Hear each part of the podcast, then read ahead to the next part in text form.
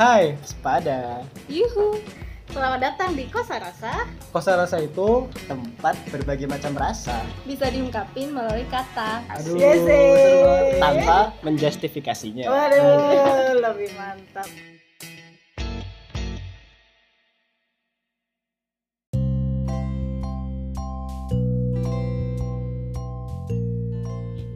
Halo, hai hai, apa kabar?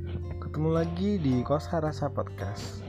Di episode ke-7, wah udah seminggu ya kita nggak kerasa udah eh, bikin podcast untuk event 30 hari bersuara dari thepodcaster.id Di episode kali ini eh, sama aku Angga yang bakal ngisi Eh, Jadi di episode kali ini bakalan ngomongin PDKT menurut teman-teman tuh PDKT apa sih? PDKT itu pendekatan singkatannya. Sebenarnya gak malu sih aku ngomongin PDKT karena jujur ya aku tuh tipe-tipe orang yang PDKT-nya itu lebih ke aku yang terlalu dominan kadang. Jadi ke jadi tuh kayak eh, pasanganku tuh yang aku deketin tuh kayak enggak nih wah kalau udah suka sama orang tuh pasti kejar terus sampai sampai dapet pokoknya sampai suatu hari pernah tuh PDKT kan jadi ketemu di aplikasi Tinder. PDKT lewat Tinder enggak enggak enggak enggak. Jadi tuh enggak sih bukan PDKT ya sebenarnya tapi eh, lebih ke ketemu sama orang yang lewat Tinder tuh. Angga pernah main Tinder dong. Karena aku waktu itu masih baru di Jogja jadi butuh teman ah coba ah aplikasi Tinder gitu kan. Habis itu kok match deket tuh sama orang gitu kan. Terus yaudah meet di kosan aku aja gitu. Karena deket gitu kan ternyata dapetnya deket di kosanku ini karena emang titik poinnya di kosanku aja deket gitu kan. Maksudnya karena kebetulan itu kalau nggak salah aku lupa sampingnya itu temen kosnya gitu loh. Jadi kayak mampir aja dulu gitu kan. Sampai di kosku kok dia tiba-tiba aku mau pulang deh gitu. Terus wa aku kan habis itu bilang kalau di rumahmu di kosmu kayaknya serem deh angker. Kamu cepet-cepet bersihin. Aduh kapok gue habis itu main Tinder. Itu kayak eh, ketemu stranger yang menurut aku aku awalnya ekspektasinya wah ketemu nih udah match. Habis itu pengen PDKT tapi ternyata berakhir gak jelas seperti itu.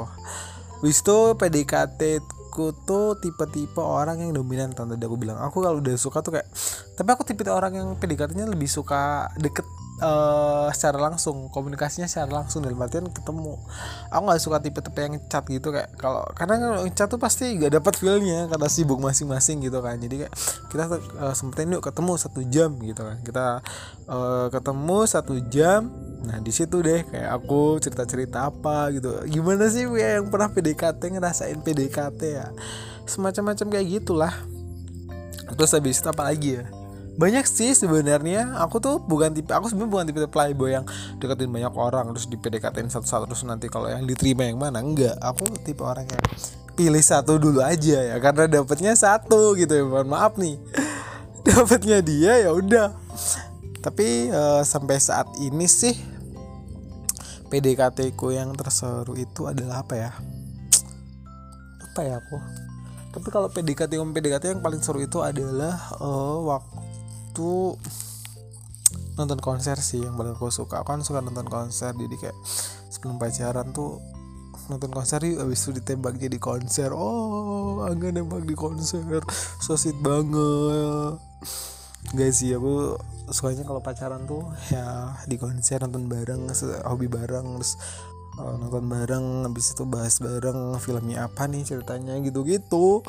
Tapi kalau main PDKT sendiri sebenarnya PDKT itu nggak harus sama pacar ya PDKT bisa sama pendekatan ya pendekatan dan kita bahasnya pendekatan itu bisa untuk siapa aja sebenarnya PDKT sama dosen gimana skripsi kita biar biar di ACC judulnya di ACC PDKT sama atasan biar jabatan atau eh, kerjaan kita dipermudah kayak gitu. PDKT sama orang tua yang mungkin eh, apa namanya komunikasi kita sama orang tua tuh masih belum baik. Habis itu kita PDKT ah sama orang tua biar dapetin sesuatu dapetin kasih sayangnya ya terutama. Atau yang lain lah misalnya yang belum sanggup kita beli pakai uang kita sendiri kayak gitu. Macam-macam sih sebenarnya ya ngomongin PDKT dalam secara luas gitu.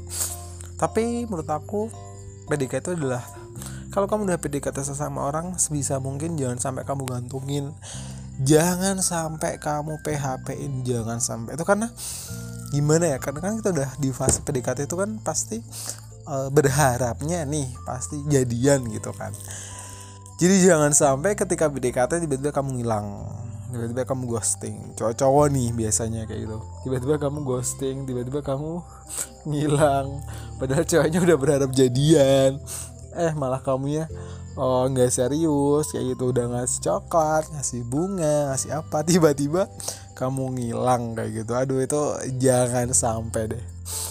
Oh, dan tips PDKT dari aku ya saling ngerti lah saling ngerti tujuannya apa. Tujuan kita mau serius atau pacaran atau main-main kayak gitu. Mau jalanin dulu aja atau emang komit kayak gitu. Jadi ya uh, semoga uh, ketika kamu PDKT kamu bisa nerapin tips yang aku.